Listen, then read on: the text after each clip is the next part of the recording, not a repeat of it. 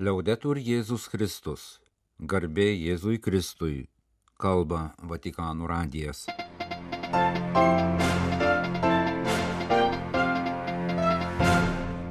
Malonūs klausytojai šioje šeštadienio spalio 21 programoje. Popiežiaus audiencijos šeštadienį parodos, kad visi būtų viena, Šventojo Jozapato Kuncevičiaus kankinystė į 400 metų inauguracija popiežiškajame Grigaliaus universitete. Arkivyskupas Ginteras Grušas penktadienį dalyvavo sinodo spaudos konferencijoje. 29-ojo eilinio sekmadienio homilyje Dievas ir Ciesorius.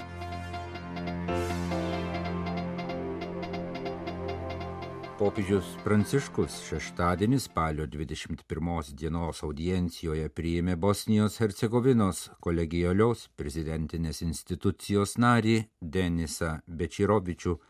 Denisas Bečirovičius, vienas iš trijų Bosnijos Hercegovinos federacijos valstybės vadovų kolegialioje prezidentinėje institucijoje, atstovaujantis Bosnių bendruomeniai, po popiežiaus audiencijos lankėsi Vatikano valstybės sekretorijate, kur buvo pratesti pokalbiai šventajam sostui ir Bosnijai Hercegovinai rūpimais klausimais. Denisa Bečirovičių valstybės sekretorijate priėmė valstybės sekretorius Pietro Parolinas ir sekretorius santykiams su valstybėmis ir tarptautinėmis organizacijomis arkivyskupas Polas Richardas Galageris pokalbiuose pasidžiaugta teigiamais dvišaliais santykiais, aptarti kai kurie atviri klausimai dėl bažnyčios ir valstybės santykių ir vidaus situacija šalyje.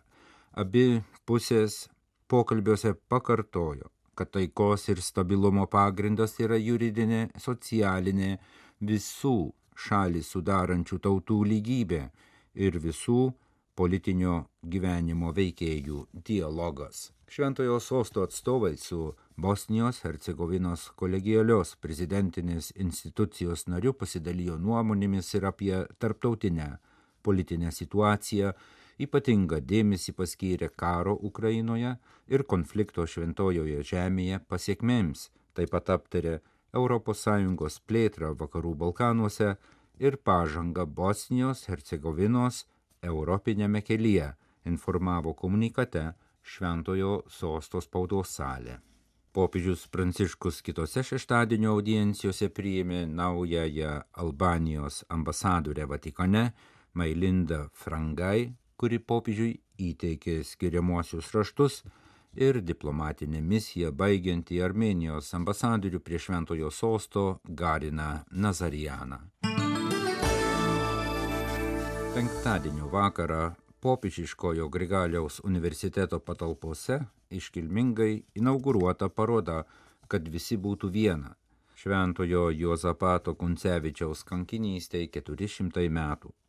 Lietuvos ambasados prie Šventojo sosto surenktoje parodoje išstatyti retai matomi paveikslai, kai kurie neseniai atrasti, vaizduojantys garsų įganytoją ir bažnyčios vienybės apaštalą, vyskupą Šventąjį Juozapatą, ir istoriniai leidiniai apie jo kankinystę ir kultą.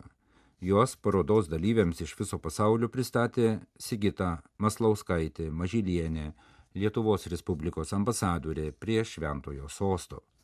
Pagrindinę parodos iškilmingo atidarimo kalbą pasakė Romos kūrijos kardinolas Kurtas Kochas, kuris apžvelgė Šventojo Jozapato kankinystės svarbą krikščionių vienybei ir reikšmę nūdienos bažnyčiai. Pasak kardinolo, šventojo Juozapato gyvenimas ir veikla rodo, kad sėkimas Kristumi ir šiandien gali apimti kankinystę, kuri yra aukščiausias meilės ir bendrystės liudymas.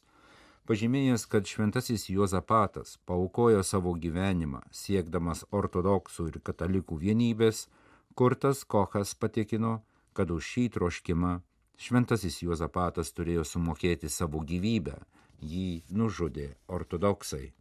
Kardinolas apgailestavo, kad šventojo Juozapato kankinystės tragedija taip pat šiandien kartojasi Ukrainoje per siaubingą ir beprasmišką Rusijos agresijos karą, kuriame krikščionys žudo kitus krikščionys, ortodoksai kitus ortodoksus.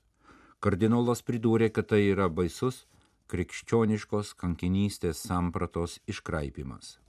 Į parodos dalyvius be Kurto Kocho, krikščionių vienybės dikasterijos prefekto ir šiuo metu Vatikane vykstančio vyskupų sinodo asamblėjos nario, kreipėsi dar du sinodo tėvai - Sviatoslavas Ševčiukas, Ukrainos graikų katalikų bažnyčios primas ir Ginteras Grušas, Vilniaus arkivyskupas ir Lietuvos vyskupų konferencijos pirmininkas, sinode atstovaujantis Europos vyskupų konferencijų tarybai. Vilniaus arkivyskupas pristatė Šventojo Juozapato gyvenimo kankinystės, kanonizavimo ir šventumo garso genezę, bei paaiškino, kodėl krikščionių vienybės apaštalų tituluojamas graiko peigų ganytojas šventasis Juozapatas svarbus lietuviams ir Lietuvai. Vilniaus arkivyskupas pridūrė, kad šventasis Juozapatas yra pirmas bendras abiejų tautų Respublikos graikų apieigų šventasis. Ką Vatikane posėdžiaujančiame sinode pasakytų šventasis Juozapatas, klausė Sviatoslavas Ševčiukas, Kijevo ir Haličio didysis arkivyskupas, samprotaudamas apie šventojo Juozapato kentėjimo su kenčiančia Ukraina ir ištikimybės tikėjimui iki gyvybės paukojimo prasme. Anot Sviatoslavo Ševčiuko, šventasis Jozapatas Kuncevičius sinode visų pirma kalbėtų apie bažnyčios kelią į šventumą. Be to, jis kvieštų į atsivertimą, kad gyventume tikėjimu, vedančių į visų krikščionių vienybę. Ir trečia, jis sinode būtų kenčiančios Ukrainos balsas.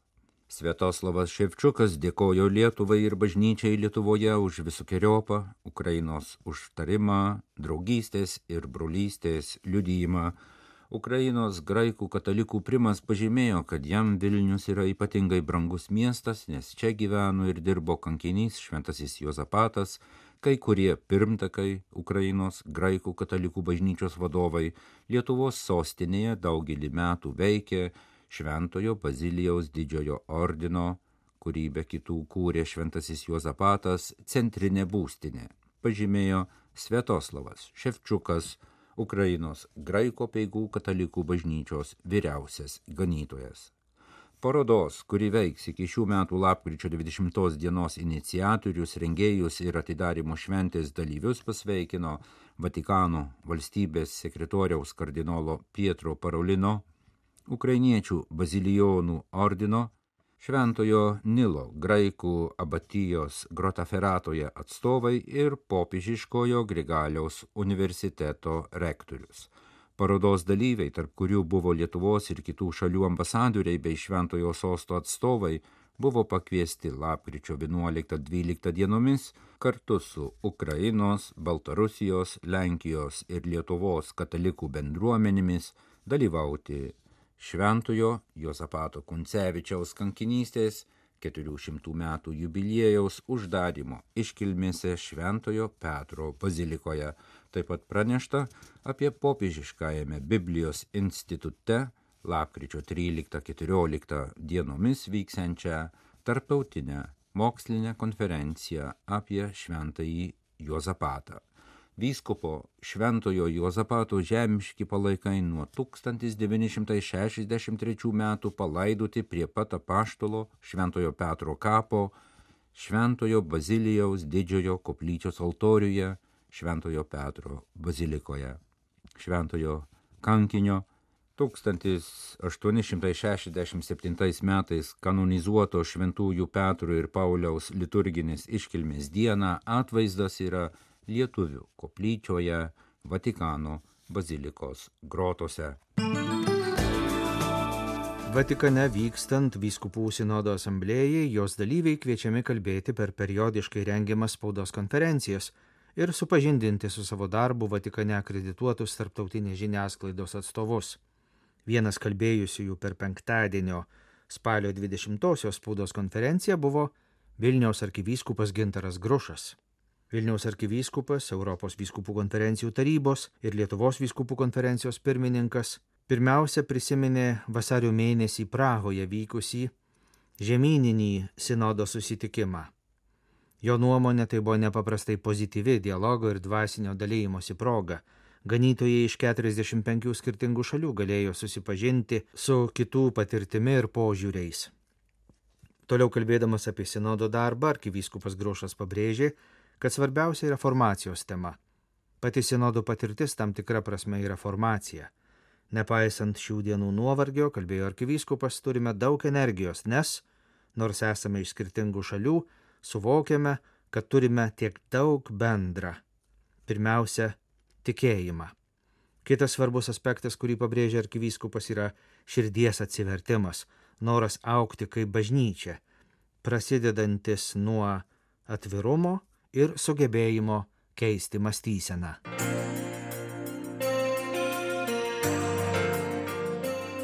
Dvidešimt devintojo eilinio sekmadienio Evangelija pagal matą. Tuomet fariziejai pasitraukė ir tarėsi, kaip jį sugauti kalboje. Jie nusiuntė pas jį savo mokinių kartu su Erodo šalininkais paklausti. Mokytojau mes žinome, kad tu esi tiesa kalbis, mokai tikro Dievo kelio ir niekam nepataikauji, nes nežiūri žmonių po aukščių. Tad pasakyk, kaip manai, valia mokėti ciesuriui mokesčius ar ne? Suprasdamas jų klastą, Jėzus tarė, kam spendžiate man pinklės veidmainiai, parodykite man mokesčių pinigą. Jie padavė jam denarą, jis paklausė, kieno čia paveikslas ir įrašas, jie atsakė ciesuriaus. Tuomet Jėzus tarė, atiduokite tad kas ciesuriaus ciesuriui, o kas Dievo Dievui. Monsignoro Adolfo Grušo homilija. Toliau klausomės evangelisto mato pasakojimo apie paskutinę Jėzaus gyvenimo savaitę praleistą ginčiuose su rašto aiškintojais ir fariziejais. Jėzaus teismo proceso metu jie taps jo kaltintojais. Visiškai aišku, kad niekam iš jų nerūpi Jėzaus nuomonė. Kaltintojai tiesiog siekia rasti pretekstą. Patys fariziejai nejo tiesiai pas Jėzų, bet nusintė savo mokinius drauge su Erodo šalininkais. Kad ir būdami vieni kitų priešais, jie kovoje prieš Jėzų nutarė susivienyti. Viskas prasideda nuo perdėto pagirimo. Mokytojau mes žinome, kad esi tiesa kalbis, mokai tikro Dievo kelio ir niekam nepataikauji, nes nežiūri žmonių po aukščių. Po šių pataikaujančių žodžių seka klausimas. Valia mokėti ciesuriui mokesčius ar ne? Duoklė, apie kurią kalba pasiustieji, buvo metinis mokestis, kurį romėnai įvedė po Palestinos okupacijos dar prieš Kristaus gimimą ir buvo taikomas visiems judėjos, Samarijos ir įdumėjos gyventojams vyrams, moterims ir vergams nuo 12 iki 65 metų amžiaus. Tas mokestis buvo vienas sidabrinis denaras, įprastas darbininko vienos dienos atlyginimas. Šis klausimas reiškia, jog Jėzus turi išsakyti savo nuomonę apie romėnų ir žydų santykius. Jei jis pasakys taip, bus apkaltintas neištikimybė viešpačiui, vieninteliam, kuriam reikia tarnauti. Jei jis sako ne, rizikuoja sueiti į konfliktą su romėnais. Jėzus labai sumaniai išvengė jam paspestų spastų, paprašydamas parodyti jam monetą.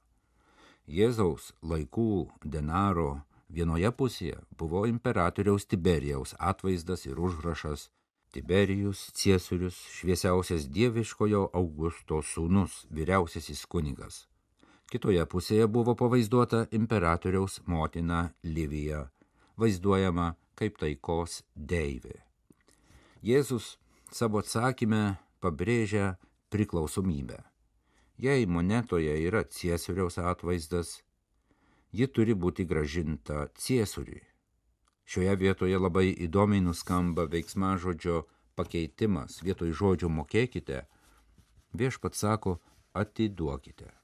Mes kaip piliečiai taip pat mokame mokesčius valstybei, kuri garantuoja kelius, teisingumą, saugumą. Gauname ir duodame. Esame pašaukti atiduoti tai, ką esame skolingi savo tėvams, draugams, mokytojams, gydytojams, poetams ir šventiesiems, savo šalies istorijai, visai visuomeniai. Iš tikrųjų mes visi gauname daugiau, negu sugebame atiduoti. Svarbu, kad tai darytume taip, kaip liepia Jėzus. Gražinti ciesuriui tai, kas yra ciesuriaus, reiškia prisidėti prie pasaulio pagražinimo. Dievui gražiname tai, kas priklauso jam - daiktų prasme, tarpusavio ryšio grožį. Jam priklauso gimimas, mirtis, meilė, viltis, troškimai. Pasaulyje egzistuoja dar viena moneta, kurioje yra įspaustas Dievo paveikslas. Ta moneta yra žmogus, Dievo kūrinys. Tai, kas savyje nešioja Dievo paveikslą, turi būti atiduota Dievui, skirta jam, nes atvaizdas primena kurėją ir kūrinio priklausomybę. Ciesoriaus lobis yra jo monetos, gyvojo Dievo lobis yra mūsų širdis. Jėzaus atsakymė nėra vietos valdžių atskirimui. Dievas yra meilė, jis nėra aukščiausias ciesorius žemėje. Viešpats laikosi atokiau nuo pavojaus politizuoti Dievą ir draugė nesiekia sakralizuoti politinės valdžios. Ciesorius nėra Dievas, bet tuo pačiu metu Dievas nepretenduoja užimti ciesoriaus vietos per religinės institucijas. Ciesorius negali reikalauti savęs garbinimo, bet tai, kas priklauso jam - mokesčiai ir duoklės turi būti sumokėtos absoliučiai. Monetoje įspaustas jo atvaizdas. Tačiau žmoguje yra Dievo paveikslas Todėl, kad ir koks engėjas ir neteisingas būtų ciesorius, mes nesame jam skolingi svarbiausios mūsų dalies. Ciesoriui gali būti duodami pinigai, bet ne tai, kas žmoguje svarbiausia - jo sąžinė, jo laisvė. Kiekvienas iš mūsų turi savo ciesorių - lygą, silpnybę, problemą, kuri gali pareikalauti labai daug laiko ir jėgų, bet svarbiausias vis tiek lieka Dievas. Jėzus nori išsklaidyti pavojų sutapatinti nesuderinamus dalykus. Ciesorius nėra Dievas. Ciesoriui priklauso daiktai, o Dievui priklauso žmonės. Ciesorius neturi teisės į žmonių gyvybę ir mirtį. Jis neturi teisės pažeisti sąžinės, jis negali pasinaudoti jų laisvę.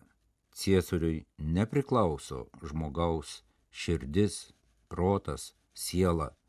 Šie dalykai priklauso tik Dievui.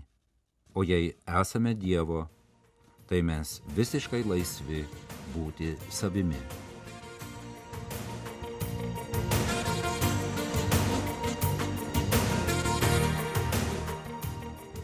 Kalba Vatikanų radijas laidą lietuvių kalba baigė.